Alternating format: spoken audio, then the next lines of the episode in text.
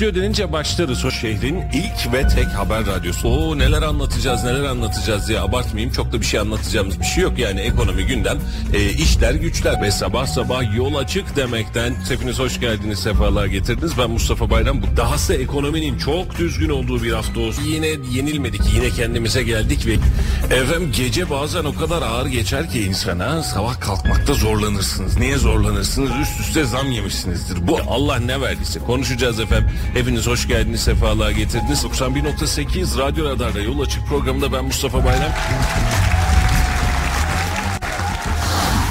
Radyo Radar Yol Açık başlıyor.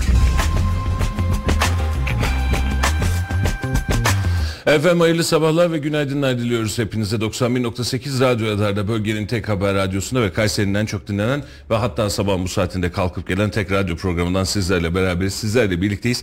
Bir miktar geciktik. Yine konuğumuzdan değil yayıncıdan kaynaklı. Konuğun erken gelip yayıncının geç geldiği tek radyo programı olarak da tarihe geçeceğiz. Bugün Melikgazi Belediye Başkan adayı Sayın Sedat Kılınç stüdyo konuğumuz. Kendisini burada ağırlayacağız efendim. Hoş geldiniz, sefalar getirdiniz. Ee, sıkıştıracağız mı diyelim, projeler mi anlatacağız diyelim, yapacağız bir şeyler ama e, önce şunu sormak lazım. Alandasınız. Geçtiğimiz haftada bir yayın yaptık sizlerle. Akşam yayının. Bizim sabah yayının büyüsü birazcık farklı. Evet sabah sabah sizi de e, uyandırdık. Böyle bir zordur sabah yayını için açıkçası ama e, alan nasıl bir ondan önce ondan başlamak istiyorum. Şöyle e, 11-12 gün oldu bizim e, Evet. sahaya çıkmamız.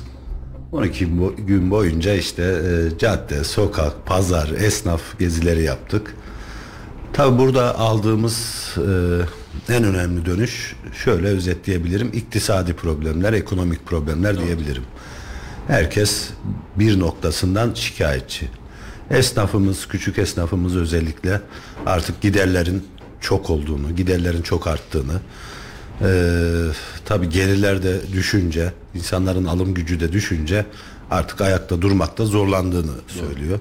Sokakta vatandaşlarımız, pazarda vatandaşlarımız poşetini gösteriyor ve diyor ki işte şu kadarcık poşet, şu kadar malzeme aldık, rakam bu kadar.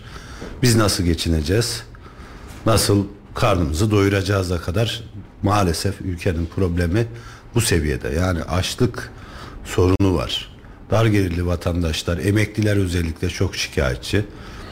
Ve şunu da e, gözlemledim.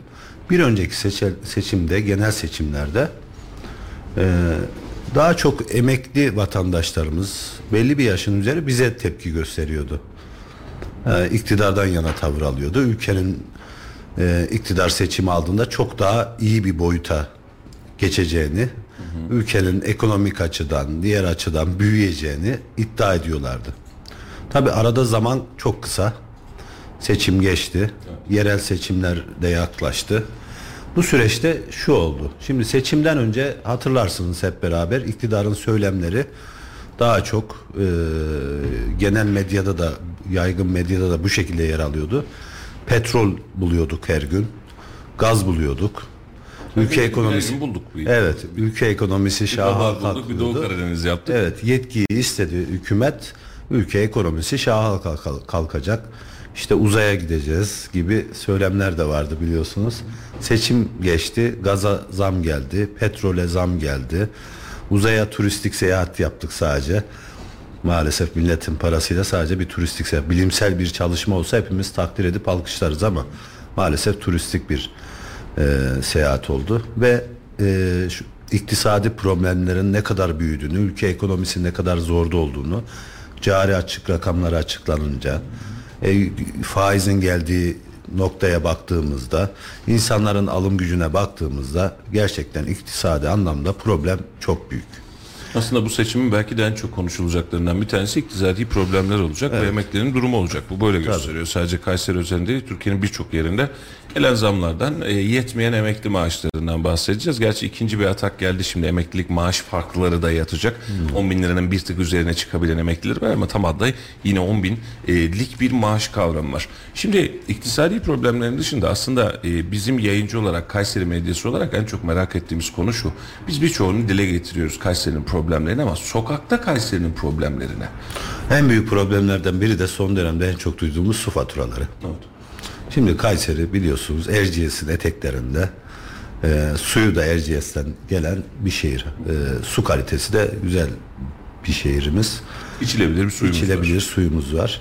Ama vatandaşın en büyük şikayetlerinden biri hatta e, ilden pazarında pazar günü bir teyzemiz de çok ciddi bu noktada e, videomuz da var bu, bununla ilgili. Birçok insandan bunu duyuyoruz. Yani su faturaları elektrik faturalarını geçmiş durumda. Evet, hepimiz de ortak. Evet. Bende de geçti. Evet. Yani bu bir de bizim e, maliyetimiz düşük. Şimdi bazı şehirlerde bakıyorsunuz işte barajlardan e, su getiriliyor. 40, 50, 60, 70 kilometre uzaklıktan getiriliyor. Baktığınızda su maliyeti e, yüksek. Yani suyun hizmet maliyeti yüksek. Bizim şehrimizde bu da yok. Yani artık tabiri caizse Allah'ın suyunu bize öyle bir fatura ediyorlar ki altın gibi fatura ediyorlar. Yani insanlar bu noktada bıkmış. E, kırsal kesimimiz var Melik Gazi bölgesinde. Burada insanlar artık ağaçlarımız kurudu diye şikayet etmeye başladı. Yani şunu demek istiyorum. E, temeline baktığımızda hep iktisadi problemler. Ama ben bir şeyin altını çizmek istiyorum. Bugün ekonomik anlamda yaşadığımız sıkıntılar, iktisadi problemlerin ana kaynağı bir nedir? Hukuk sistemidir. Ülkemizde son dönemde sokakta bunu da soruyoruz. Memnun musunuz? Adalet var mı? Yok diyorlar. Yani ben kimseden şu anda ülkenin adalet sistemine, hukuk sistemine güveniyorum sözünü duymadım. Bu neyi getirir? Şimdi ekonomiyle hep adaleti, hukuku bağlıyorum ben. Neden bağlıyorum? Kısaca özetlemek istiyorum. Şimdi bir ülkeye güven olursa para gelir, yatırım gelir. Ee, kendi yatırımcın da yatırım yapmaya devam eder. Şimdi bu ülkemizde şu anda son dönemde şu oldu. Giden yatırım gelen yatırımdan çok daha fazla oldu. Yani bizim yatırımcımız, sermayemiz ülkeyi terk ediyor. Bırakın yabancı yatırımcının gelmesini bizim yatırımcımız ülkeyi terk etmeye Kendi başladı. gidiyor. Evet, gitmeye başladı. Yani hukuku düzeltmeden ekonomiyi düzeltemezsiniz. O yüzden yani hükümetin ilk yapacağı iş öncelikle hukuk sistemini düzeltmek, liyakatlı kadroları iş başına getirmek. Liyakat olmazsa da olmaz. Liyakatlı kadrolar değil de benim yakınım, damadım, şunum olsun, bunum olsun diye bakarsak devleti kendi aile şirketimizmiş gibi yönetirsek geldiğimiz durumda işte ortada bu durumdan da kurtulamayız. O yüzden e, yakın zamanda iktisadi problemlerin de çözüleceğine inanmıyoruz. Ee, ve şunun olması lazım artık. Milletimizin sandık geldiğinde gerekli dersi vermesi lazım. Sokakta aldığım diğer bir izlenim ise herkesin ortak görüşü artık yeter. Bu lafı çok duy- duyuyoruz. Yine bizim Kayseri tabiriyle yıldık lafını çok duyuyoruz. Değiştirelim lafını çok duyuyoruz. Gittiğimiz yerde buraya gelmeyin biz zaten sizdeniz değiştireceğiz gidin çalışın bu sefer değiştirelim lafını çok duyuyoruz. Yani o kadar insanla temas ettik ki yüzde 99.9'u yeter artık diyor. Sandığa Temas ne ettiğimiz kadar, insan. sandığa ne kadar yansıyacağı aslında tam bir muamma. Benim sandık tecrübem yok. Ee, bizim, yani bizim daha önceki seçimlerden var. Bunu şöyle söyleyeyim. Yani dün e, akşam Kürşat kardeşimle yaptığımız yayında da aynısını söyledim. E, sandıkta bunun tezahürünü, sokakta bu konuşulanın tezahürünü almak bir zor bir iş.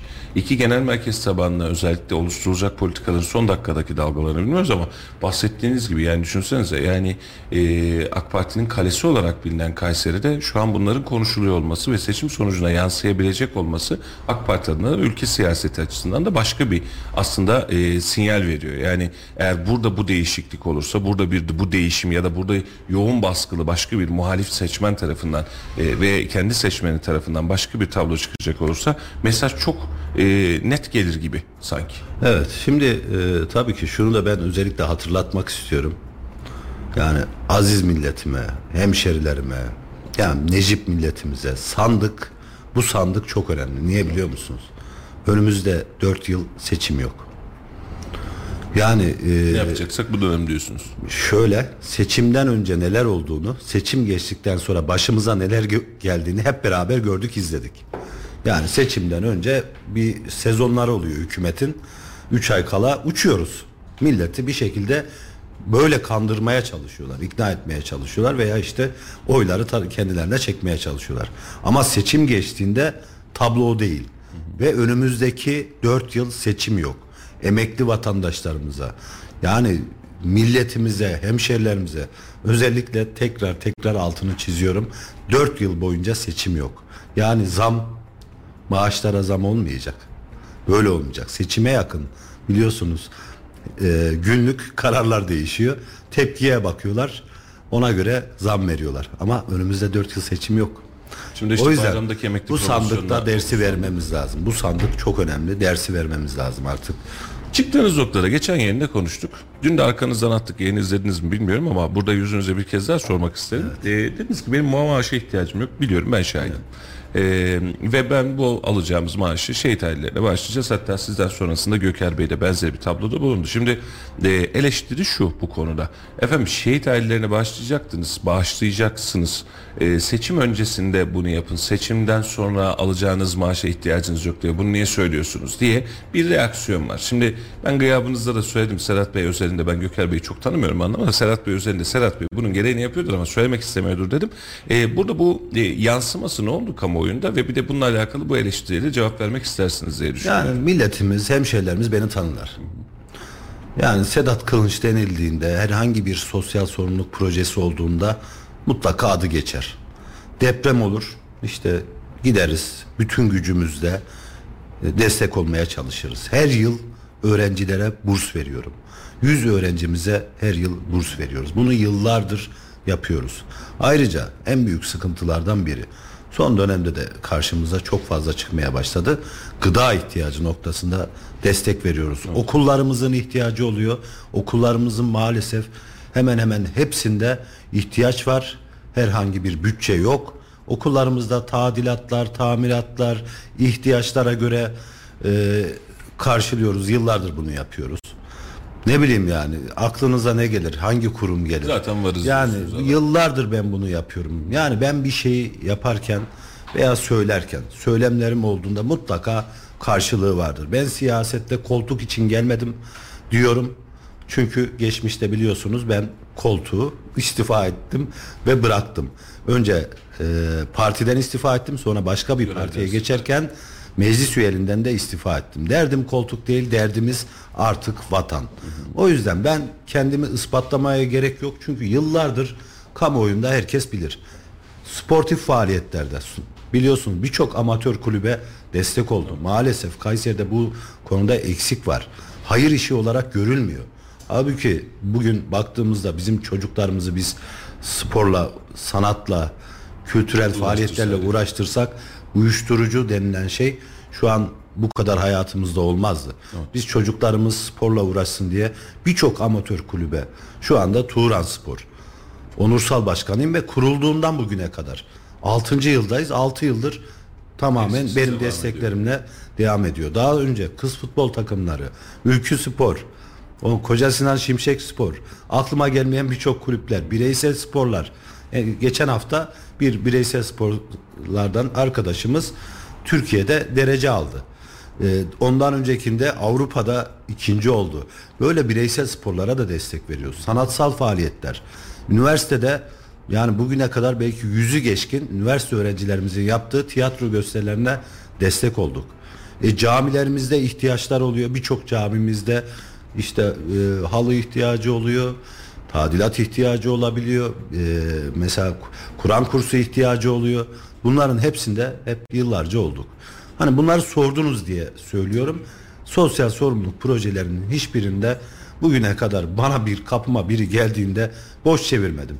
Gücümüz neye yetiyorsa yapmaya çalışıyoruz. Burada bir maaşın bağışlanması sembolik bir Ya hareket. tabii Yani maaş o- hani orada ne yapalım fakir fukaraya da verdik demek yerine şehit aileleri o, o hassasiyetin üzerine Tabii duralım. şehit ailelerimizi e, şöyle yani ben geçenlerde bir şehit annemiz kızının nişanını yapacaktı işte yani şehit annemiz kızının nişanını yapmakta çok zorlanıyor. Yani şey yaptı biz de sağ olsun bir arkadaşımız salonunu şey yaptı maliyetine dedi destekledik yaptık. Yani ihtiyaçları var. Evet. İhtiyaçlar var. O yüzden yani bu işin sembolik e, tarafı ama şunu demek istiyorum. Ben Sedat Kılınç olarak burada bu yola çıktıysam bu memleket için çıktım. Şunu istiyorum. Tek dileğim Allah'tan da tek duam şu. Bu memlekete hizmet edelim. ve ben öldükten sonra Allah razı olsun dedirttirmek. Öldükten sonra eğer bıraktığımız eserler Kayseri'ye, bu topluma, şehrimize, ülkemize faydalı olacaksa bundan büyük mutluluk yok. Çünkü her nefis bir gün ölümü tadacaktır. Geldik, gidiyoruz. Belki yarın öleceğiz. İşte bunlar yan- yanımızda kalacak. Amel defteri üç şeyden İnsanın kapanmaz. olmaz derler ama siz insanı vakfediyorsunuz. Evet, yani aslında inşallah. önümüzdeki 5 yıllık dönemde bir gelir beklentisi olmaksızın iddianız bu. e, Bir gelir elde etmeksizin kendinizi vakfetmiş oluyorsunuz. Yani şöyle e, gerçekten ülkenin buna ihtiyacı var. Artık sorumluluk alabilecek, gerçekten ülkeye faydalı olabilecek. Yani background'una baktığımda da böyle olan insanların siyasete girmeye girmesi lazım artık. Yani ben kendimi zaruri hissediyorum. Neden biliyor musunuz? Yani tabloya baktığımda çok üzücü. Böyle insanlar koltuk sevdası olmayan, kendine bir gelir oluşturmaya çalışmak. oluşturmaya çalışmayan ve ihtiyacı olmayan bu tarz insanlara ihtiyacımız var. Yoksa işte bakıyorsunuz bu işi meslek olarak yapıyorlar. Hayır kardeşim bu bir meslek değil. Bunun şöyle olması lazım aslında. Siyasete ricaen biz diyeceğiz ki Mustafa Bey sen vatanını seven düzgün, dürüst, işini hakkıyla yapan birisin. Gel sıra sende dememiz gerekiyor. Eğer böyleyse siyaset o zaman temizdir. Ama bizim ülkemizde maalesef orada rant elde etmeye dönüyor ve oturan koltuğa kalkmıyor. Kardeşim kalk yeter. Ya bir dönem oturmuşsun, iki dönem oturmuşsun, üç dönem oturmuşsun, dördüncü dönem oturmuşsun, beşinci dönem, altıncıya zorluyorsun. Ya yeter kardeşim ya. Bırak gençler gelsin ya. Bu memlekete hizmet edecek insanlar gelsin ya. Yaşın kemale ermiş. Yeter artık git torunlarını sev. Yani olmuyor. Koltuğa oturan kalkmıyor. Ülkenin en büyük sıkıntısı bu zaten. Ya bırak gençlere belli bir yaştan sonra ben şunu da demiyorum. Yani kötü adamdır da demiyorum. Kimseyi karalamak için de yola çıkmadım. Kimseye kişilerle de uğraşmıyorum. Meşhur laf var. Şunu Cami demek imam aramıyoruz. İyisi kötüsü değil. Hizmet erbabı olması bizi bağlıyor. Ya belli bir yaştan sonra insanoğlunun bir yapısı vardır. Gençlik dönemi vardır. Fiziken çok güçlüdür. Belli bir yaşa gelir ortalama yaşlarda beyin olarak ve tecrübe olarak çok iyi bir hale gelir. Belli bir yaştan sonra da artık hafıza ve bütün fiziksel faaliyetler geriye döner. Yani ondan sonra da ne olur? danışman olur abi olur. Ha, yani şurada evet şey yapabilir ama sahada çalışamaz. O zaman kenara çekileceksin, tecrübelerini gençlere aktaracaksın. Böyle başarı çıkar, böyle ülkeye hizmet olur. Ama ben o koltuğa oturayım ömür boyu, ölene kadar oturayım. Sedyeyle gideyim. Ya olmaz kardeşim. Yazık bu millete yazık ya. Yapamıyorsunuz artık. Hizmet sıfır. Hizmet yok. Bugün Kayseri'ye ne yapıldı? Soruyorum bugün e, bir vatandaşımız hatta sokakta dedi ki ya ben AK Parti'ye oy vereceğim dedi. Dedim ki neden? Ya çok hizmet. Sayın dedim hizmetleri dedim. Recep Yani- İvedik'in balık sahnesine dön. evet. Say öyle. o zaman. evet. Sayın dedim.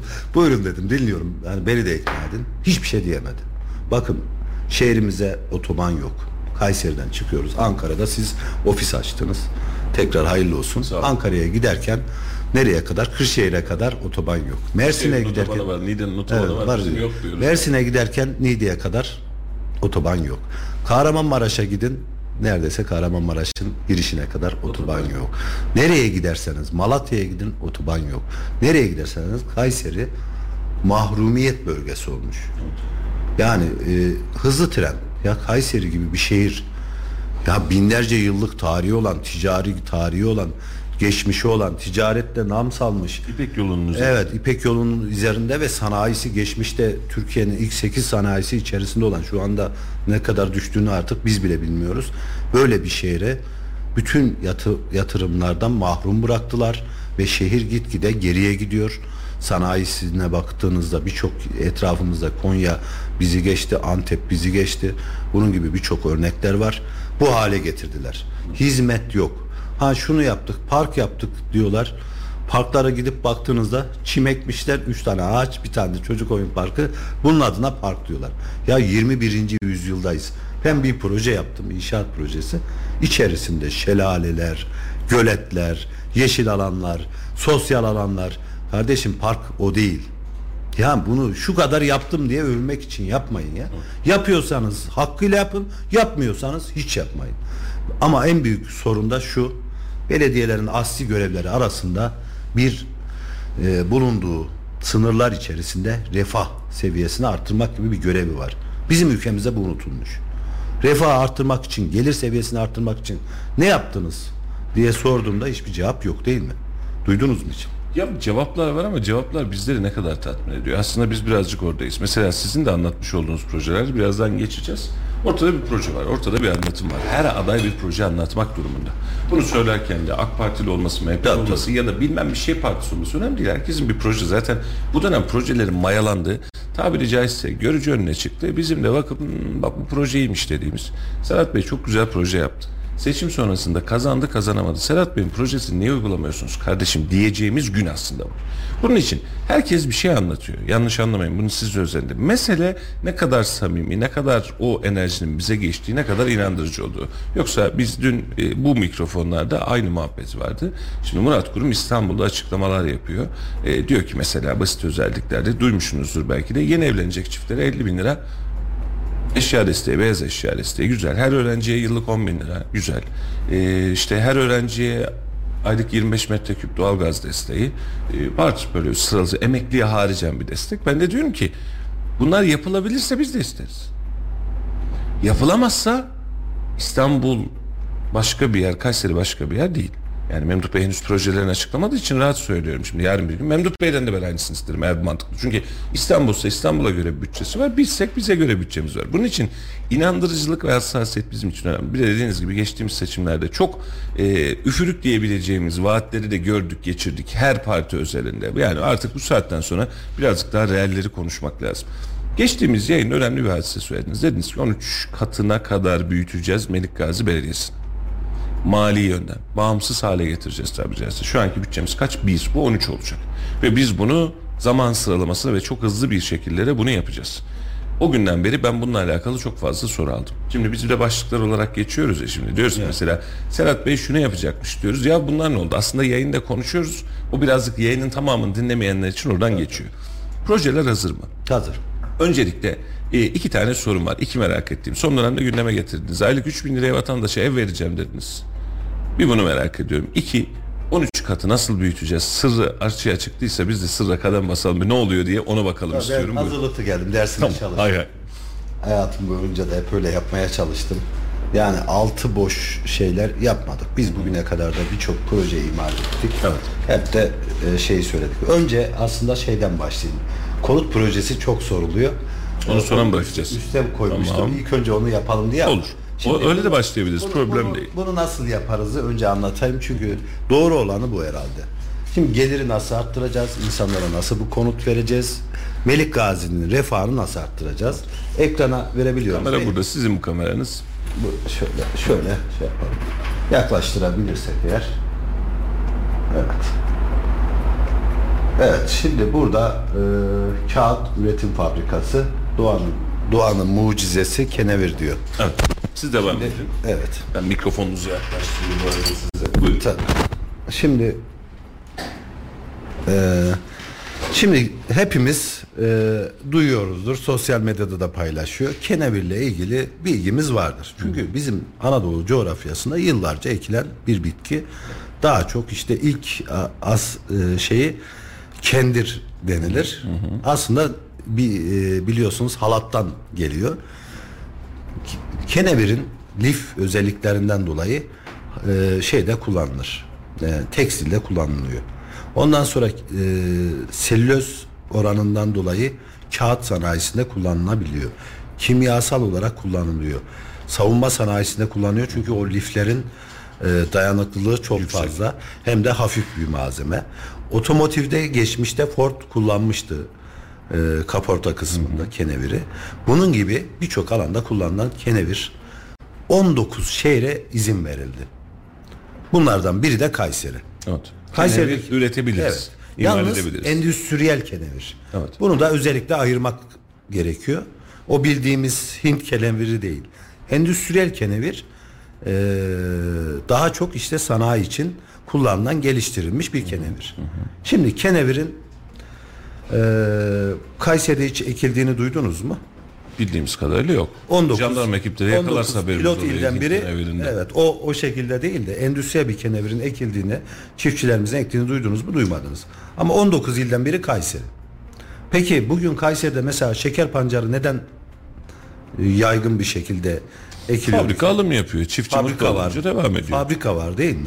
Şimdi fabrika olmazsa hiç kimse pancar üretmez. Doğru. Fabrika olmazsa hiç kimse endüstriyel kenevir üretmez. Şimdi geldik kenevirden ne yapacağız? Şimdi biz e, kağıt yapmak için e, bir ağaç e, olması lazım. Bu ağaçlarımız da 20 ile 50 yıl arasında yetişiyor. Doğru. Kenevir 4 ayda yetişiyor. Birincisi bu. İkincisi kenevir 8 kez kağıda dönüştürülebiliyor. Ağaçtan daha verimli. Diğer bir özelliği karbondioksiti yok ediyor. Oksijen üretiyor. Diğer bir özelliği e, kenevirden yapılan kağıt 10 bin yıl dayanabiliyor. Normal bizim gördüğümüz o beyaz kağıt 100 yıl sonra Çürüyor. çürüyor. Şimdi böyle bir bitkimiz var. Biz de ne yaptık? Neye çalıştık? Türkiye'nin şu anda iki buçuk milyar dolar kağıt ithalatı var. Çin'den Ayrıca bir buçuk milyar dolar selüloz ithalatı var. Şimdi biz endüstriyel kenevirden kağıt üretim tesisini kuracağız. Birinci projemiz bu. Yalnız önce kağıt daha sonra da bunu geliştirerek diğer alanlara da yayacağız. Yani ilerleyen dönemde hedefimiz ilk etapta bunu yapacağız. Bunu nasıl yapacağız? Sanayicimiz, çiftçimiz ve belediyemiz üçlü konsorsiyumla yapacağız. Biz gerekli projeleri, hazırlıkları yaptık. Rant Karlı malına bir iş baktık. Çok karlı bir iş. Yani şöyle keneviri Çünkü ürettik biz- şimdi pancarda da aynısı oluyor. Haddime düşmeyerek kusuruma bakmayın. Şimdi pancarda üretiyorsunuz. Şeker pancarı üreticisi diyor ki bana iyi fiyat verirsen üretirim. Ben para kazanmazsam üretmem diyor. Şimdi kenevirde de ekim yapacağız. Atıyorum 100 dönüm alana ektik. Bunun karşılığında çiftçinin cebine güzel para giriyorsa çiftçi eker. Yani- Çiftçi buradan kar etmiyorum. Bunun bakımı, böceği, ilaçlaması vesaire sulaması daha pahalı diyorsa Çok güzel girmez. bir noktaya temas ettiniz. İlaca gerek yok kenevirde. Sulama var? Kokusundan dolayı e, şey Barındırmıyor. barındırmıyor. Artı Kayseri iklimi, toprağı şeye uygun. Bilmediğim için uygun. soruyorum. E, sulu tarım istiyor. Yani şöyle kenevir en az su isteyen bitkilerden de biri. Hmm. Yani su mutlaka ister ama en az su isteyen bitkilerden biri ve e, Alanı da müsait o zaman. 120 bin dekar alanın da tarıma kazandırılmasını sağlayacak. Yani bir, çiftçiye çok ciddi katma değer sağlayacak. İki, Kayseri'nin havasını temizleyecek. Ya her şeyden kıymetlisi bu. Bakın Kayseri'ye yukarıdan bakın simsiyah. Yorgan var üstümde. Evet her yani sigara içmeyen vatandaşlarımız sakın ha içmiyorum diye sevinmesin. Çünkü Kayseri'nin havasını solurken yani nikotinden ve şeyden çok daha fazla zehir soluyorsunuz. Artık bu havayı temizlememiz lazım. Kenevir'in en büyük özelliklerinden biri işte ağaçlardan, ormanlardan daha iyi karbondioksiti absorbe ediyor ve oksijen üretiyor. Ne kadar bir gelir bekliyoruz? Şimdi burada Projeyi tamamlarsak yani kafamızdaki gibi fabrika birinci tamam. etabı tamamladığımızda toplamda 5 yıl içinde 1 milyar dolar gelir bekliyoruz. Yıllık mı toplam? Hayır toplam 5 yılda. Bu tabi projelerimizden biri. Şimdi bunu eğer biz Kayseri buna sahip çıkarsa çünkü buranın üst olması lazım. Bırakın Kayseri bölgeden civar şehirlerden dahi çiftçimize katkı sağlayacak. Bir. ikincisi Kayseri'nin ekonomisini işte 5 kat arttıracak dediğim diğer projelerimizle birlikte 5 kat e, şey 13 kat toplamda arttıracak. Yani diğer bu projemiz sadece 5 kat arttırıyor. E diğer projelerimizle birlikte hepsini uygularsak yani şunu sağlamamız lazım artık Kayseri'de belediyenin de asli görevlerinden biridir gelir seviyesini arttırmamız lazım, refahı arttırmamız lazım, alım gücünü arttırmamız lazım. Bu fabrikada kaç kişiyi istihdam edeceğiz? 6000 bin direkt kişi istihdam olacak. Çiftçisi Çiftçiler- hariç mi? Sadece Çiftçiler hariç. Bunun işte satışı, pazarlaması, çalışanları, bandı. üretimi, idari personeli falan derken 6000 bin kişi.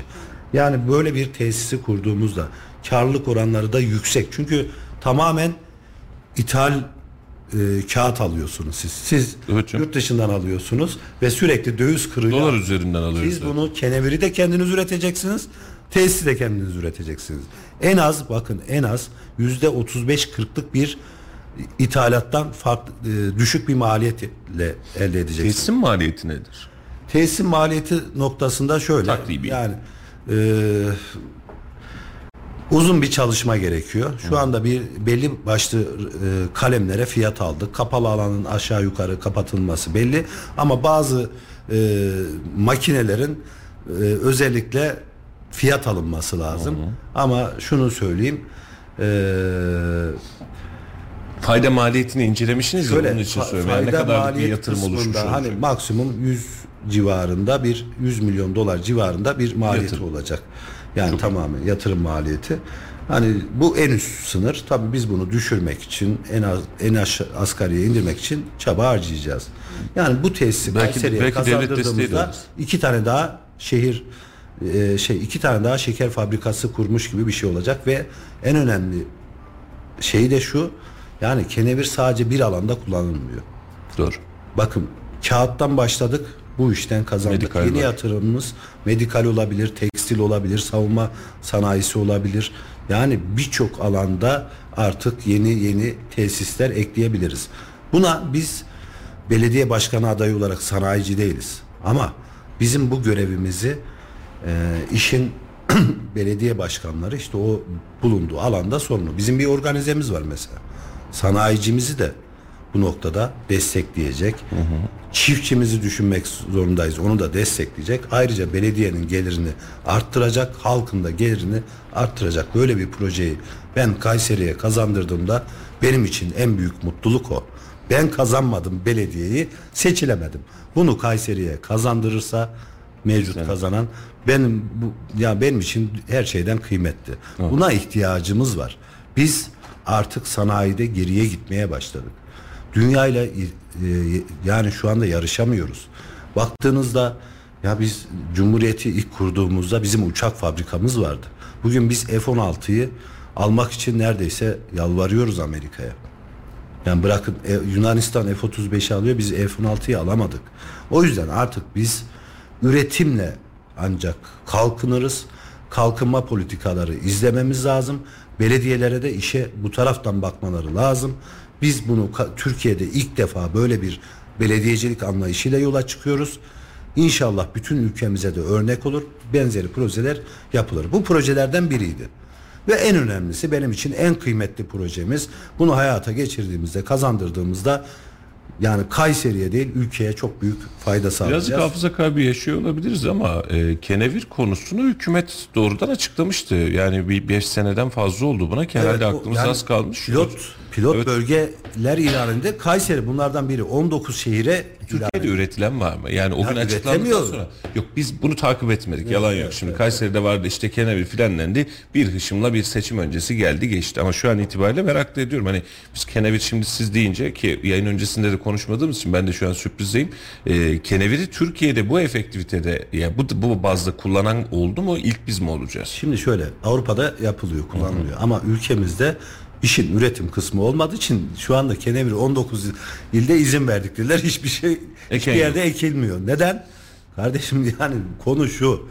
Kayseri'de pancar şeker fabrikası olduğu için ekiliyor. Yani İşte aspir ektirdik ama yağ fabrikamız olmadığı için Evet, aspir çiftçilere- fabrikası açıldı mesela hemen büyüyen bölgesinde biliyorsunuz büyüdü. hareketlendi e, oldu. Ama kenevir bunlardan kat kat daha rentable ve en önemli özelliği de yani bir alanda değil birçok farklı alanda kullanılabilir ve bunu bizim toplumumuz milletimiz biliyor zaten. ve kullandığımız alanlar bunlar. Evet, yani yani- kağıt kağıt alıyorsak Tabii. almaya da devam ediyorsak bu hala Teknoloji edecek. yokken halat yapılmış, ip yapılmış, tekstil ürünleri yapılmış kenevirden ama şu anda hiçbir şey yapılmıyor. Şimdi biz tesisi kurduğumuzda sadece bizim Melik Gazi bölgesi değil, Kayseri'deki bütün çiftçiye katkı sağlayacak bir tesis kurmuş olacağız. Dediğim gibi 5 yıl içinde toplamda 1 milyar dolar e, gelir getirecek şeyi cari açığı azaltacak, ülke ekonomisine katkı sunacak, istihdama katkı sunacak. En düşük maaş 35 bin lira olacak burada çalışanların. 35 bin lirayla 100-120 bin arasında değişen insanlar burada çalışıp gelir elde edecek. Gelir arttığında Melik Gazi'de işte bu ekonomik sorunları da çözmüş olacağız. Yani biz kendi e, bütçemizi oluşturarak kendi yönetim biçimimizle Melik Gazi'de refahı sağlayacağız. Tabii bunun gibi birçok Bahsettiğiniz 5 projelerimiz var. kat dediğiniz hadise bile Melik Gazi'de yapılacak işleri 5 kat büyütür. Ya sadece bu projemiz. Bakın 5 yani, kat büyütür eğer dediğiniz gibi ise yani 1 Bunun gibi milyar daha dolar farklı falan. projelerimiz var. İşte biz endüstriyel alana da yönelmemiz lazım. Bunun bütün belediyelere, başkanlara örnek olması lazım. Belediyenin göre- görevi sadece yol yapmak, park yapmak. Bu değil ki bunu biz yıllardır yapıyoruz. En iyi bildiğim iş ve bence en az zaman harcayacağım işte o o kısmı. Niye? Ya artık eskiden belediyede 3 tane 5 tane çalışan olurdu. Yani belediye başkanının vizyonuna göre bu altyapı, üst yapı işleri yapılırdı. Bu da çok önemli işlerdi. Kaldırım yapılınca kıymetli olurdu. Kardeşim 21. yüzyıldayız. Fen işleri diye bir biriminiz var. Yüzlerce çalışanınız var. Bu bunu sakın ha, kimse çıkıp da ben şunu yaptım demesin. Bu asli göreviniz zaten bu kadar personel bunun için var. Ama diğer asli görevlerinizden biri refah, güvenlik gibi. Mesela belediye başkanının yetkilerine baktığınızda samimi söylüyorum Cumhurbaşkanı gibi yetkileri var kendi bölgesinde. Güvenliğinden de sorumlu. Evet. Mesela onunla ilgili de projemiz var. Melik Tim diye bir projemiz var. Mahallelerimizi eski mahalle kültürüne geri kavuşturacağız. İnsanlarımız, çocuklarımız sokakta rahatlıkla gezecek çünkü Melik Tim olacak sokaklarda. Güvenlik birimleri oluşturacağız. Yani valiliğin Hem güven uyuşturucu- timleri gibi. Tabii. Uyuşturucuyla mücadele edecek. Hem e, emniyet personelimizle e, Yardımcı olacak. yardımcı olacak hem de sokakların güvenli olduğunu herkese gösterecek. Birçok mahallemizde bu noktada şeyimiz var. Bu da istihdama yine katkı sağlayacak. Diğer bir projemiz ise hemen onu da göstereyim. Evet, o projemiz. Buyurun efendim. Ekrana şöyle. Şimdi sera organize sanayisi. Tarıma dayalı iktisat sera organize sanayisi neyle yapılacak? Orada dikkat ediyorsanız yenilebilir enerji kaynaklarıyla yapılacak. Yani burada ne yapacağız? Kadın istihdamı. Yani 3000'e yakın kadın istihdamı olacak. Ee, seralar oluşturacağız. Bunları çiftçimize yani e, çiftçimiz de işin içinde olacak. Çiftçimiz işletecek. E, sebzemizi kendimiz üreteceğiz. Antalya'dan Tek- getirmeyeceğiz zaten. Evet. Antalya'dan neden geliyor? Tek eksik işte güneş var, sıcak var, şu var. Kayseri'de güneş yok mu? Var. Güneş enerjisini kullanacağız. En büyük sıkıntısı sera organize sanayisinin enerji kısmı. Enerjiyle birlikte kuracağız ve bununla ilgili Avrupa Birliği'nin destekleri var. Bu desteklerden faydalanacağız. Seraları kuracağız. Çiftçimizi bu noktada işin bilgi eksikliği de var. Eğitimini vereceğiz. Tek şartımız istihdam kadın olacak. Kadın istihdamına e, özellikle pozitif ayrımcılık yapacağız. Yani burada hem şehrimizin hem de bölgedeki şehirlerin ihtiyacını karşılayacak. ilerleyen dönemde de ihracat yapabileceğimiz bir, Bir alan. üretim yapacağız, bir alan yapacağız ve bence işin stratejik açısına baktığınızda ne kadar savunma sanayisi önemliyse tarım da o kadar önemli. Biz Pandemide bunu Ukrayna- daha fazla, çok Evet, fazla yaşadık. Rusya-Ukrayna savaşında gördük, pandemide yaşadık. Yani buğday, bütün dünya buğday dilendi yani. Yani bu kadar. Burada termal kaynakları da kullanmak fikri var Şö- mı? şöyle bizim Serada? alanımızda e, termal noktasında yeterli bilgiye ulaşamadık. Yani bu, bu noktada da araştırma yapacağız ama bizim büyük bir nimetimiz var, güneşimiz var bizim. Evet. Ya bizim Hiç durmuyor. yani bakın gidin Avrupa'da doğru düzgün güneş yok ama her tarafta ya güneş paneli ya rüzgar paneli hem güneş enerjisinden hem de rüzgar enerjisinden faydalanıp yenilenebilir enerji kaynaklarıyla sera yapacağız. Yani bu projemiz hem çok ciddi istihdam sağlayacak 3000 kişiye 3000 kadınımıza istihdam sağlayacak hem kendi kendimize yeten bir Melik Gazi olacak hem de Kayseri'nin bütün sebze ihtiyacını karşılayacak, bölgeye de karşılayacak. İlerleyen dönemde bir kısımda ihracat yapabileceğimiz bir organize kuracağız. Yani e, tekrar söylüyorum ana projelerim kalkınma öncelikli. En büyük ihtiyaç Kayserimizin, Melik Gazi'mizin ve ülkemizin fotoğrafını çektiğimizde en büyük ihtiyaç maddi ve ekonomik sıkıntılar. Yani insanlarımız artık karnını doyuramaz. Yani bunun altı var mı? Bundan kötü bir durum var mı? Açlık sınırının altında yaşayan, yoksulluk sınırının altında neredeyse nüfusun yüzde sekseni yaşıyor. Açlıktan daha öte 45, bir yol yok. 45 mi, 47 bin lira herhalde yoksulluk sınırı 4 kişilik bir ailenin şu an baktığınızda neredeyse nüfusun yüzde sekseni yoksul yani büyük e, belki yüzde 45-50'si de açlık sınırında yaşıyor. Yani bizim önceliğimiz artık belediye başkanı olarak kalkınma. Yani benim belediye sınırımda hiçbir Allah'ın kulu açlık sıkıntısı çekmemesi lazım. O yüzden ağırlık kalkınma projelerine verdik.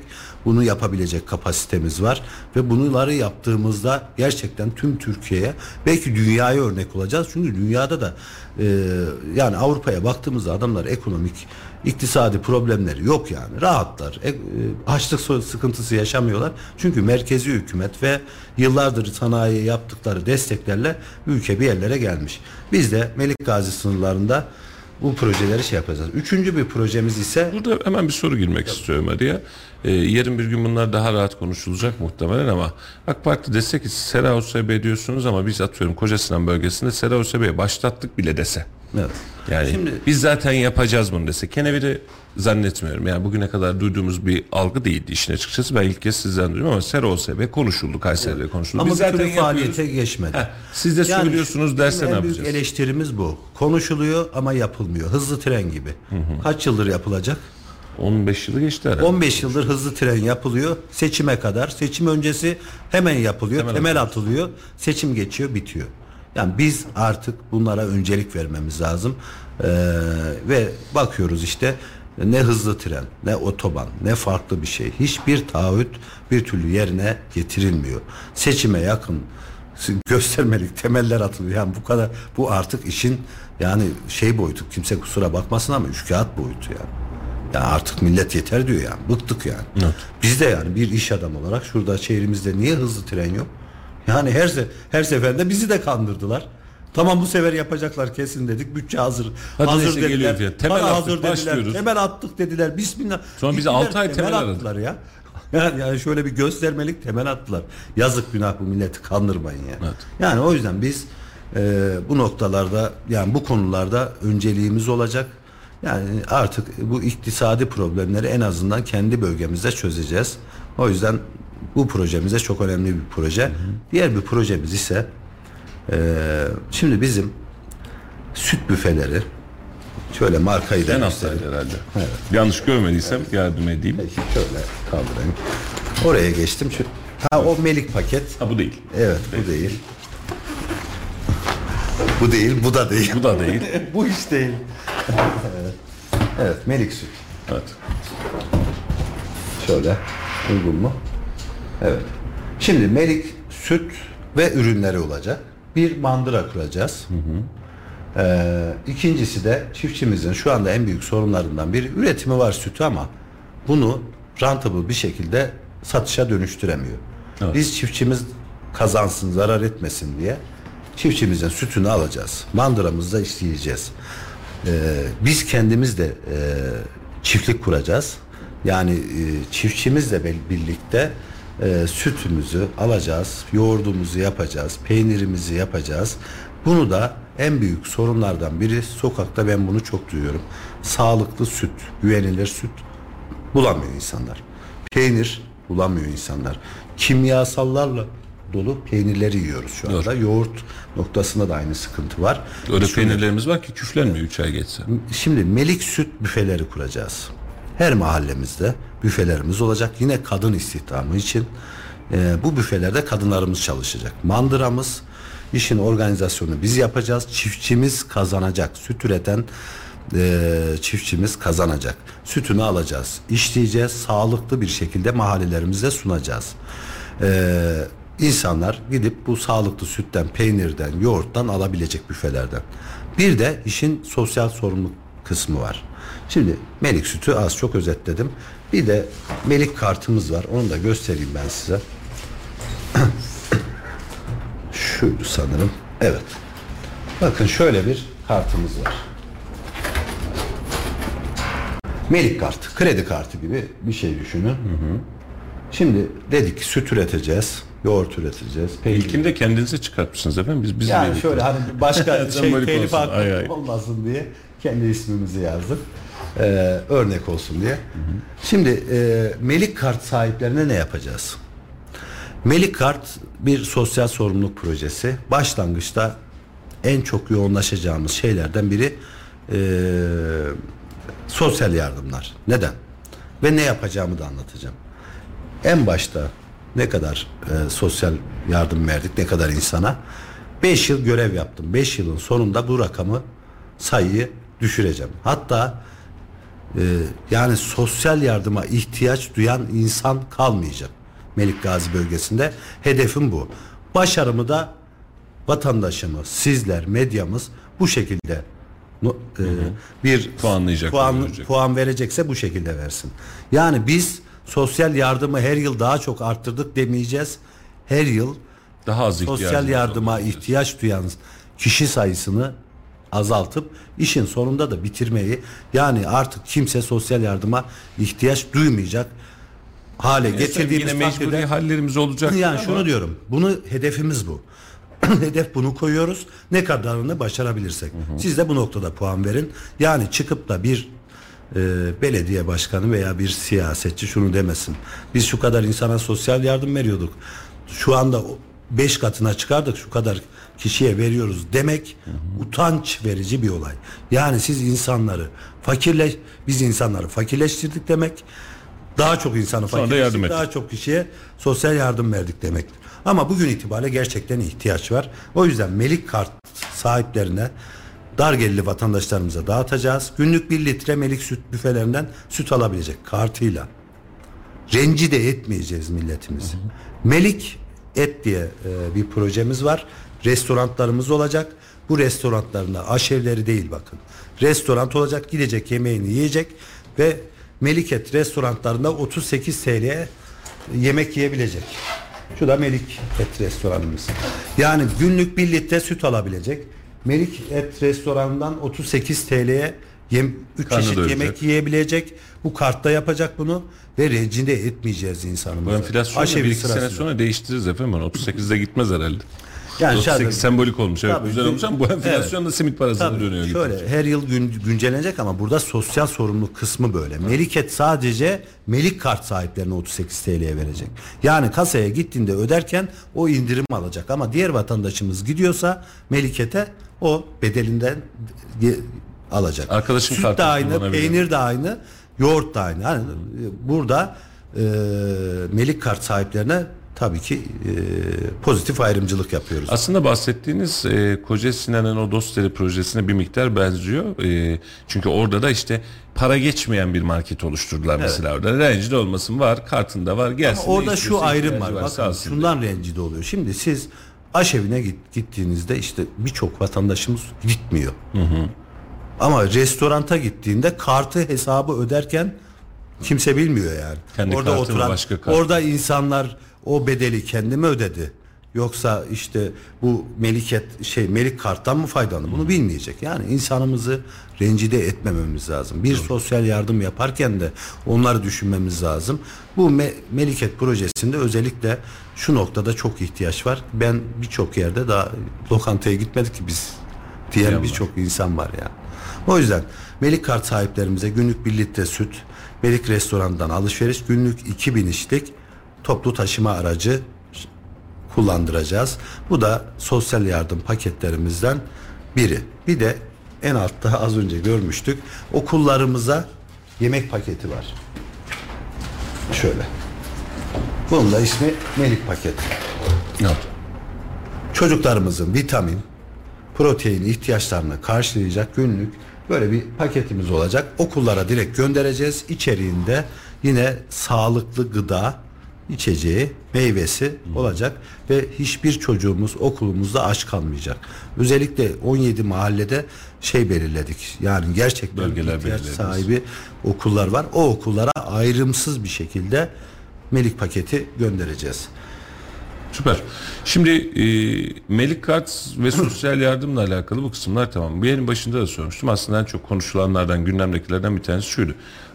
Biz yani parayla çalışıyor bizim kafamız anlamı. Aylık 3000 lira ev sahibi olacaksınız. dediniz. Evet. Ona göre. Şimdi dediler ki Serhat Bey bize ev mi satıyor acaba dediler. Nasıl bir şey 3000 liraya oluyor muymuş öyle şey dediler. Ee, onun projesine konuşmak istiyorum. Bir bu evi nerede yapacaksınız? Geri de koyabilirsiniz. Sıkıntı yok efendim. Bu projeyi nerede yapacaksınız? Nasıl yapacaksınız? 3000 lirayla biz nasıl ev sahibi olacağız? Tabii bizim en uzman olduğumuz alan bu. Evet. Şimdi burada Hani bir- 3000'e verebiliyordunuz biz Evet. niye şu an Sedat Kılınç İnşaat'tan 3000 alamıyoruz diye soranlar Şimdi da şöyle var. tabii biz inşaat firması olarak arsa maliyetimiz var. Evet. Burada bir yani arsamız e, şunu da altını çizerek söyleyeyim. Öncelikle Türkiye genelinde bütün konutları yıksak. Yeniden tek katlı müstakil 500 metrekare bahçeli ev yapsak. Türkiye'deki arazinin yüzde biri yetiyor. Doğru. Yani düşünün Ülkenin bakın. bir ili tamamını kapsıyor hemen hemen Yani geçiyor. Hemen hemen Türkiye'nin bir ili kadar araziye ihtiyacımız var. Bizde arazi problemi yok. Bizde sıkıntı yani şöyle tarım arazisi harici yani e, ciddi bir arazimiz var. Ama nedir? Rant merağı var ülkede. Altyapı eksikliği oluşturuyor. var. Altyapı eksikliği de var ama ranta dönüştürmek için elinden gelen şeyler yapılıyor. Bugün organizemizde bile rant oluştu. Sanayici fabrika mı alsın, arsa mı alsın, yatırım mı yapsın ne- yapacağına karar veremiyor şu anda. Yani biz rantı ortadan kaldırdığımızda belediyenin mevcut ar- arsalar içinde çözeceğimiz şu şöyle bakacağız. Yani şu anda işte o asgari ücret ve altında geliri olan 10 bin TL maaş alıp geçen gün pazarda karşılaştım işte biriyle Ee, şey 7500 TL maaş alıyor 3000 TL Eskişehir bağlarında bodrum kat bir Kiraya ay veriyor. kiraya veriyor 4500'e yaşam mücadelesi veriyor. Yani mümkün mü? Değil. Bunlar bu bizim insanımız. Bunlar mülteci değil bakın. Bizim insanlarımız. Bugün belediyeler sosyal yardımlarını mültecilere veriyor. Onlara verilen desteği biz belediyemizde biz başkan olduğumuzda keseceğiz. Önce kendi milletimiz, bizim milletimiz, bizim vatandaşımız. Mültecileri, misafirlikleri bitti. Onları da bu ülkeden artık göndermek için her şeyi hukuk çerçevesinde yapacağız. Yapacağımız işlerden biri işte sosyal yardımı kesmek, ruhsatsız yerlerini kapatmak, ruhsat vermemek. Bu noktada artık kendi ülkelerine gitmesi için gerekli şeyleri yapmak. Kendi vatandaşımıza da ne yapacağız? İşte bu sorunu yaşayan vatandaşımıza da aylık 3 bin lira taksit verecek. Teslimatta 300 bin TL kredi kullandıracağız. Ondan sonra eee, aylık diğer ödemeleriyle birlikte burayı çok cazip bir Kira şekilde- öder gibi. kira öder gibi müstakil 95 metrekare brüt alan tabi 2 artı 1 20 metrekare teraslı 100 metrekare bahçeli evleri yapacağız. Hafif çelikten yapacağız. Maliyeti daha düşük olacak. Ee, toplu maliyetlerini, üretimden bölgesini dolayı- hepsini Bir de- çalışmışsınız tabii, Rüştün ya dediğinize bu göre. Bizim işimiz şöyle e, bir de şurada şey var. Burada böyle bir şey var. Ticari alanlar olacak. Bu ticari alanlarda satıp buranın maliyetini düşürmek için kullandık. Yani maliyet analizini yaptık. Bunu yapacağız, başaracağız ve bu çok önemli bir konu. Çünkü kira Bunun parasını da aslında ticari alana gelen arkadaşlar yani şöyle almış olacağız kısmen. belediyenin cebinden bir para çıkmayacak. Evet. Ama vatandaşımız e, e, arsa parası da ödemeyecek. Geriye kalan kısmını da parasını ödeyecek. Ve çok cazip bir şekilde ev Kaç liraya mal oluyor toplam? 750 bin. 750 bin Bugün lira itibariyle 750 bin. Burada Tabii siz tepettü verenler kredilendirmeyi, kredilendirmeyi Tabii. belediye bünyesinde İşin finans kısmını, diğer kısımları biz çözeceğiz. E, işin ticari işte arazi içerisinde satılacak alanlarla buranın maliyetini düşürüp yani bir şekilde vatandaşımızı e, bu konut sahibi yapacağız. Hafif çelikten yapacağız. Hem deprem açısından çok dayanıklı, hem sağlıklı hem de artık ihtiyaç sahibi vatandaş. Bölge neresi efendim? Şimdi bir, bir tek bölge değil, birkaç e, arazi var. Bir de bizim yeni oluşturacağımız işte rezerv alanları olacak. Kentsel dönüşümle ilgili de çok ciddi projelerimiz var. Kentsel dönüşümü yap, e, hızlı bir şekilde ya- yapmamız lazım. Orada orayla ilgili aslında hepsini bir bütün olarak düşündük. Böyle dar gelirlere böyle bir projemiz var. Bir de orta gelirlere de henüz açıklamadığımız bir projemiz var. Aylık 15 bin Türk lirasına da ha, dar gelirli değil vatandaş ama e, yani şey istiyor, müstakil bir ev istiyor. Biraz daha ona göre ortada demeyelim, onun bir üstü gelir grubu. Ya iki memur varsa Evet, evde evet, çalışan evet. mesela Yani öyle evet, düşünüyoruz. tek ma- işte, işte alıyor ama asgari ücretin üstünde alıyor. Bunun gibi e, vatandaşlarımıza da e, yine şey olacak. Burada bir arsa maliyetini ödeyecek. Ee, ama belediyenin avantajı, toplu imalatın avantajı ondan sonra bunları da kullanarak yine maliyetine vereceğimiz bir sistem var. Sadece arsa maliyetini de ödeyecek. İşte orada da 15 bin aylık taksit düşünüyoruz. Yine teslimatta bir rakam. Öyle de bir projemiz olacak ve kentsel dönüşümde de kentsel dönüşümle ilgili de bugüne kadar ben Türkiye'de birçok yere bakıyorum. Gerçek anlamda bir kentsel dönüşüm projesi yok. Bir kere en büyük sıkıntı şey yok.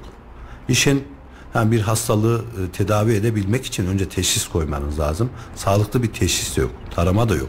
Evet. Yani biz Kayserimizde mesela riskli yapılarımızı nasıl analiz ettik e, depremden sonra biliyor musun? Gözümüzde. Gözümüzde. Ya böyle bir şey olabilir mi? Yani e, o yüzden bir işi yaparken ben hep şöyle söylerim. Ya hakkıyla yapacaksınız ya hiç yapmayacaksınız. Hakkıyla yapamıyorsanız yapmayacaksınız. Yaptık diye insanları kandırmayacaksınız. Çünkü deprem konusu işte hepimiz gittik gördük deprem bölgesini.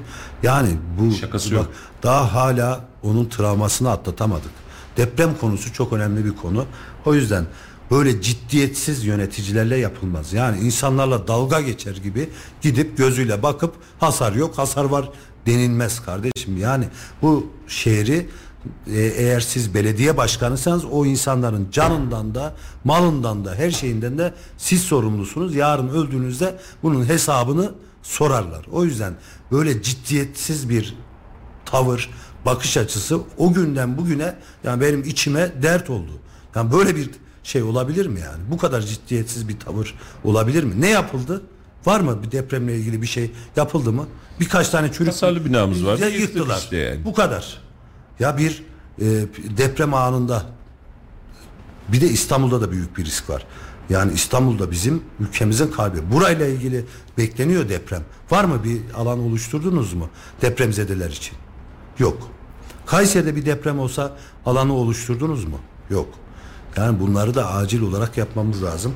O yüzden kentsel dönüşüm işin bir tarafı tabi ihtiyaç sahiplerine işte konut bir tarafı ama hiçbir zaman bizim belediyecilik dönemimizde kentsel dönüşüm rantsal dönüşüme dönüşmeyecek. Kentsel dönüşüm kentsel faciaya şu an bulunduğumuz mahalle gibi dönüşmeyecek. Bir yıllık, üç yıllık, beş yıllık günü kurtaracak projeler yapmayacağız. 50 yıllık, 100 yıllık hem şehrimizi kalkındıracak hem ülkemizi kalkındıracak ve geleceği e, görerek yapacağız. Bugün Osman Kavuncu'ya hepimiz dua ediyoruz. Neden? Geçmişte bugünü gördü. Biz böyle olacağız. Bir şeyi göstermelik yapmayacağız. Seçim için yapmayacağız. Yapacağımız her şeyin altı dolu olacak. Ya da yapamıyorsak da yapmayacağız. Bugünkü en büyük sıkıntılardan biri bu. Göstermelik. Az önce anlattığımız hızlı trenin temeli gibi. Temel atıyoruz seçim kazanmak için. Seçim geçiyor. Temeli kimse bulamıyor. Ya böyle bir saçmalık olur mu? Bu millette niye dalga geçiyorsunuz? Bu milleti niye kandırıyorsunuz? İnsanların aklıyla neden alay ediyorsunuz? Defalarca yaptınız bu yalanları, bu şeyleri bırakın artık yani. Ya bir hizmet edin, yapamıyorsanız da bırakın, gidin artık yani. Yazık bu millete, yazık bu insanlara, yazık bu ülkeye. O yüzden yani biz bunlar gibi olmayacağız. Projelerimizin hepsinin altı dolu olacak ve ülkeye katkı sağlayacak, vatanımıza katkı sağlayacak. Hiç kimse sokağa o gün gördüğüm teyze gibi üstünde kaban yoktu.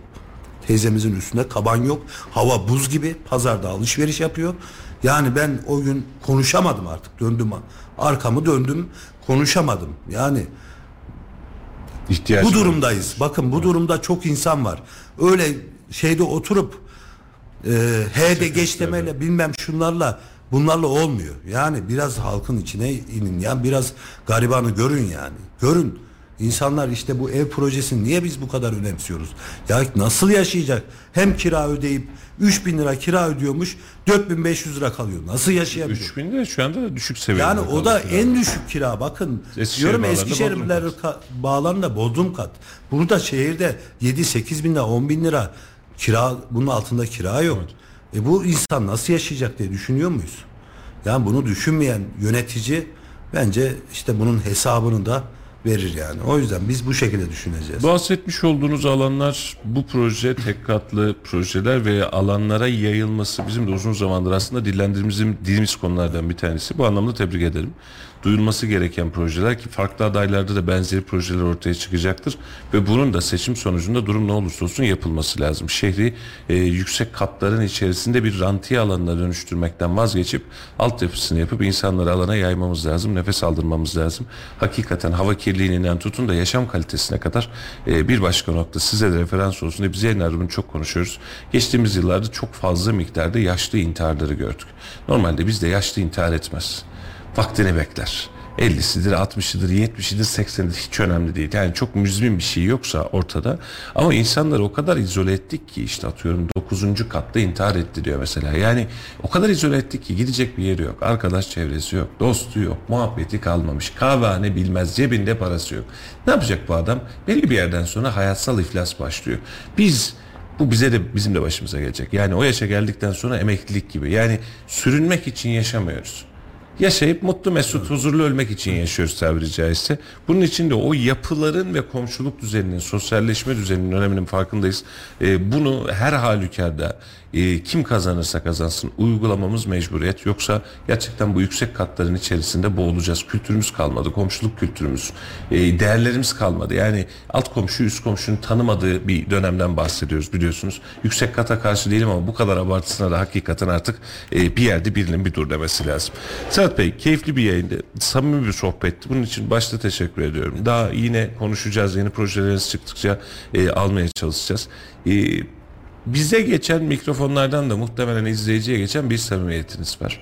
E, uygulanabilirlik noktasındaki açıklamalarınız ve süreç e, bence hani bu nacizane söylüyorum daha ete kemiğe bürünmeli. Niçin? Mesela Kenevir'de bölge şu alan şu ki buna da çalıştığınızı söylediniz. Bunlarla beraber vatandaşın daha fazla karşılık vereceği kanaatindeyim. Ama e, şunu son bir soruyla e, toparlamak istiyorum. Vatandaşa rüşvet vermek lazım mı? Yani seçim dönemlerinde siyaset için çok kullandığı bir tarzdır onun için söylüyorum. Yani herkesin cebine bin lira, herkese bu kadar, öğrenciye artı bu kadar demek lazım mı? Yoksa e, oy almak için, yoksa daha doğru projeler, daha anlatılır projeler ama karşılığında oy olmayan projeler mi bakmak lazım? Yani şöyle, e, dündü herhalde bir sosyal medyadan bir arkadaşımız buna benzer bir şey yazmış. Evet. Ya Sedat Bey biz sizi çok seviyoruz, tanıyoruz belediyede kazanmanızı istiyoruz ama bakın dedi siz insanlara bir şeyler vermezseniz menfaatine kazanamazsınız dedi. Böyle bir bunun benzeri bir cümle kullandı. Dedim ki vallahi dedim ben bu yaşıma kadar yani hayata hiç böyle bakmadım. Bu yaşımdan sonra da karakterimi değiştiremem. Seçim kazanmak için yalan söyleyemem. Seçim kazanmak için insanlara vaatler veremem. Bir şeyi söylediysem bugüne kadar öyle yaptım. Bir proje yapacağım dediysem hep daha erken yapmaya çalıştım. Bir içinde bir özellik söylediysem fazlasını yapmaya çalıştım. Ben bu karakterimden ödüm vermeyeceğim. Ben bugün iş hayatını bırakıp işimi gücümü bırakıp siyasete siyasetle ilgili bir adım attım. Ne için yaptım? Bu memleket, bu vatan. Ben Kayserili hemşehrilerimize, insanlarımıza bunu anlatacağım. Benden rüşvet beklemesinler. Benden liyakatsız bir kadro beklemesinler. Benden torpil beklemesinler. benden e, yani eşi dostu işe almamı beklemesinler. Ben 11 şimdiden söyleyeyim. ben 11 bin insanı istihdam sağlayacağım ama liyakat esas olacak. Yani liyakatsız birini alıp işte şu benim yakınım şunu alayım şuraya müdür yapayım. Bu olmayacak bende. Evet. Çünkü ben hizmet için geliyorum ve yaptığım işte de şunu devamında almak için en başta söyledim. İnsanlar bana bir Allah razı olsun desinler. Bu duayı duyun. Bugün ben işte Osman Kavuncu'yu güzel yad ediyoruz ve her seferinde dua ediyoruz. Evet. Allah bin kere razı olsun. Zamanında vizyonlu biriymiş. Geleceği görmüş. Biz böyle olacağız. İleride dua alacağız. Bize yetki verir vermez o da vatandaşımızın bileceği şey. Yola çıktık çalışıyoruz. Ha, sokağa baktığımızda da artık bu sistemden, bu liyakatsız, bu işte yandaşı kazandırma, yandaşa verme sisteminden, e, mevcut sistemden bıkmış durumda. İnşallah bunlar sandığa da yansır, değiştiririz ve gerçekten şehrimize, ülkemize hizmet ederiz. Onun harici olacaksa da nasip dahi olmasın. Bir kuruş haram girecekse de boğazımıza Allah nasip etmesin canımızı alsın daha iyi diyorum. Bunu da tüm samimiyetimle söylüyorum. Bizim çıktığımız yol bu şekilde. Başka bir şeye talip değiliz. Hizmete ve gerçekten duasını almaya halkımızın buna talibiz. Başka bir şeye talip değiliz. Seçmene rüşvet teklif etmeyeceksiniz. yani. Etmeyeceğiz. Evet. Peki.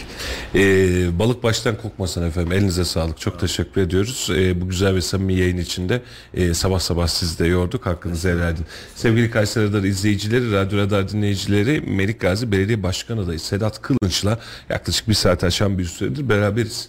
Ee, projeler ortaya çıkmaya başladı, açıklamalar ortaya çıkmaya başladı ve artık özellikle bu hafta sonu itibariyle neredeyse tüm adaylar e, ve bölgelerdeki adayların netlemesi ve yerel seçim süresi daha fazla e, ortaya çıkmış olacak. Biz de önümüzdeki dönemde sizlerle adayların seslerini size ve projelerini daha fazla duyurmaya çalışacağız. Yarın yine aynı saatlerde sizlerle beraber olacağız ama şimdi Laf Sokak'ta ile sizi baş başa bırakacağız. Laf Sokak'ta suyu sormuş. Su faturanız en son ne kadar geldi diye sormuş. Bakalım sokak e, neler söylemiş. Serhat Bey yeniden teşekkür ediyoruz. Yeni yayınlarda görüşmek üzere efendim. Hoşçakalın.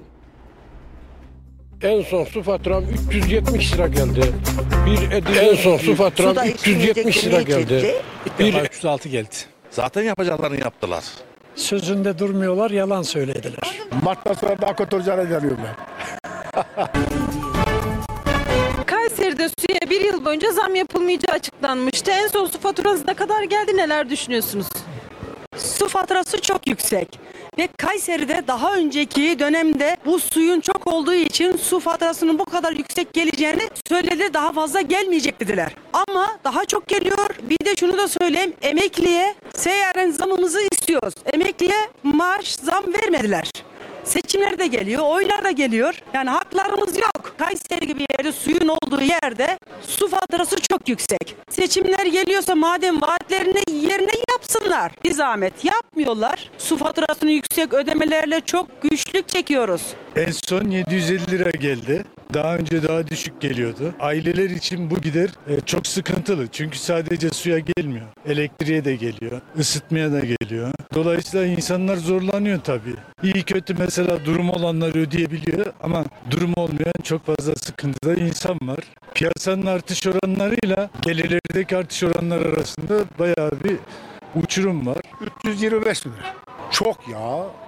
Her zaman diyorlar ya suyadan paran var Allah'ın söyledi.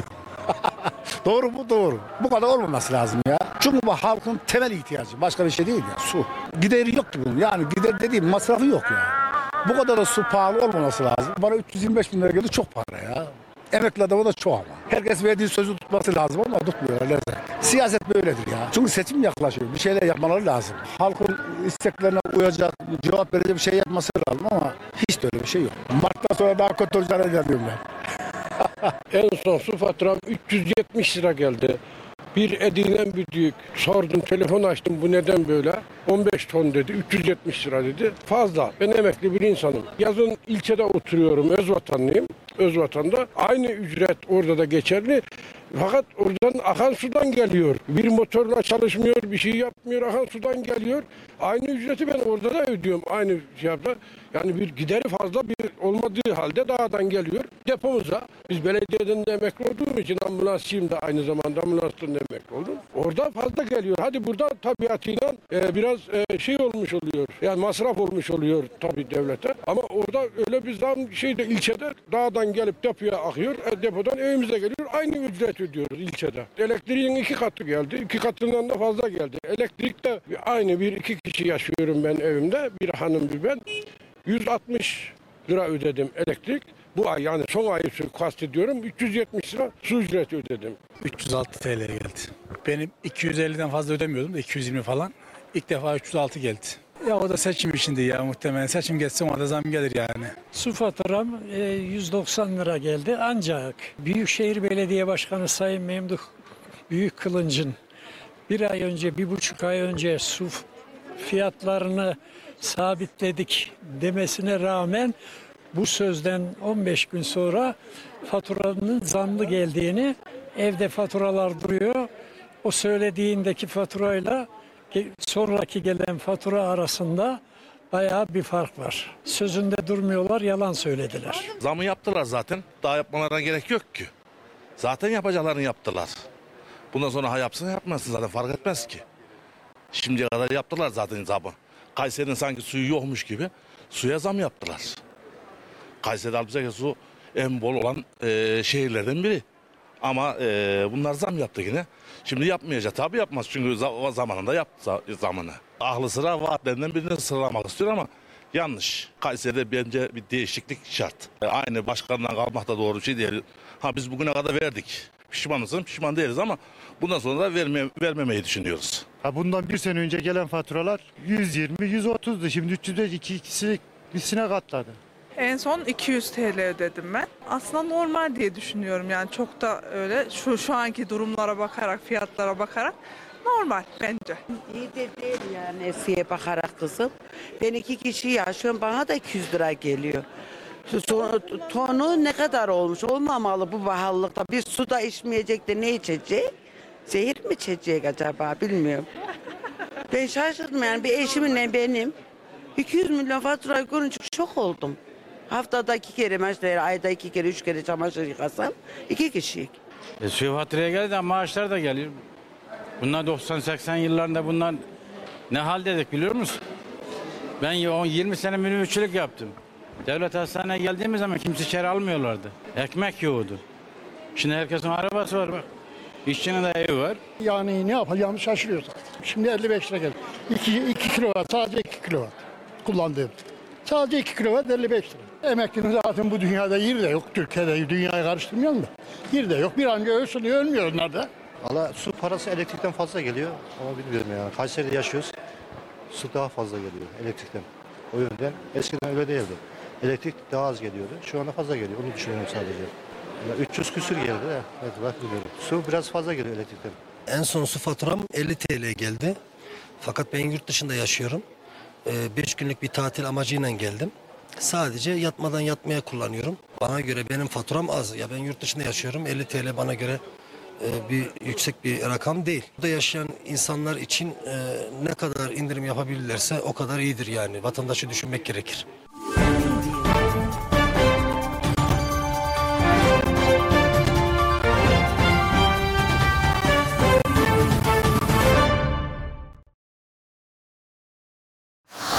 Radyo Radar yol açık sona erdi.